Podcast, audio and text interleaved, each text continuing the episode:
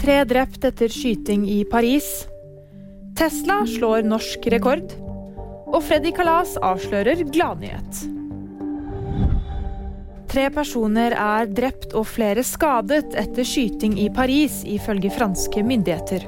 Skytingen skjedde i nærheten av et kurdisk kultursenter, og ifølge franske medier har politiet pågrepet en mann i 60-årene. Hvorfor skytingen skjedde, er ennå ikke kjent.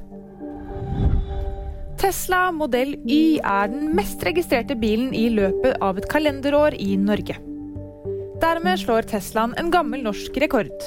Tidligere var det nemlig Volkswagen-modellen kjent som Bobla som holdt rekorden med 16 706 registreringer i 1969. Men nå nærmer Tesla seg 17 000. Fredrik Auke, bedre kjent som artisten Freddy Kalas, skal bli far for første gang. Det bekrefter han til VG. Artisten la først ut en video av han og kjæresten på Instagram, hvor de hintet om at det var en baby på vei. Han forteller at de har termin i juni, og at de gleder seg ut av en annen verden. Og VG-nyheter de fikk du av meg, Fride Rivøl, Lie.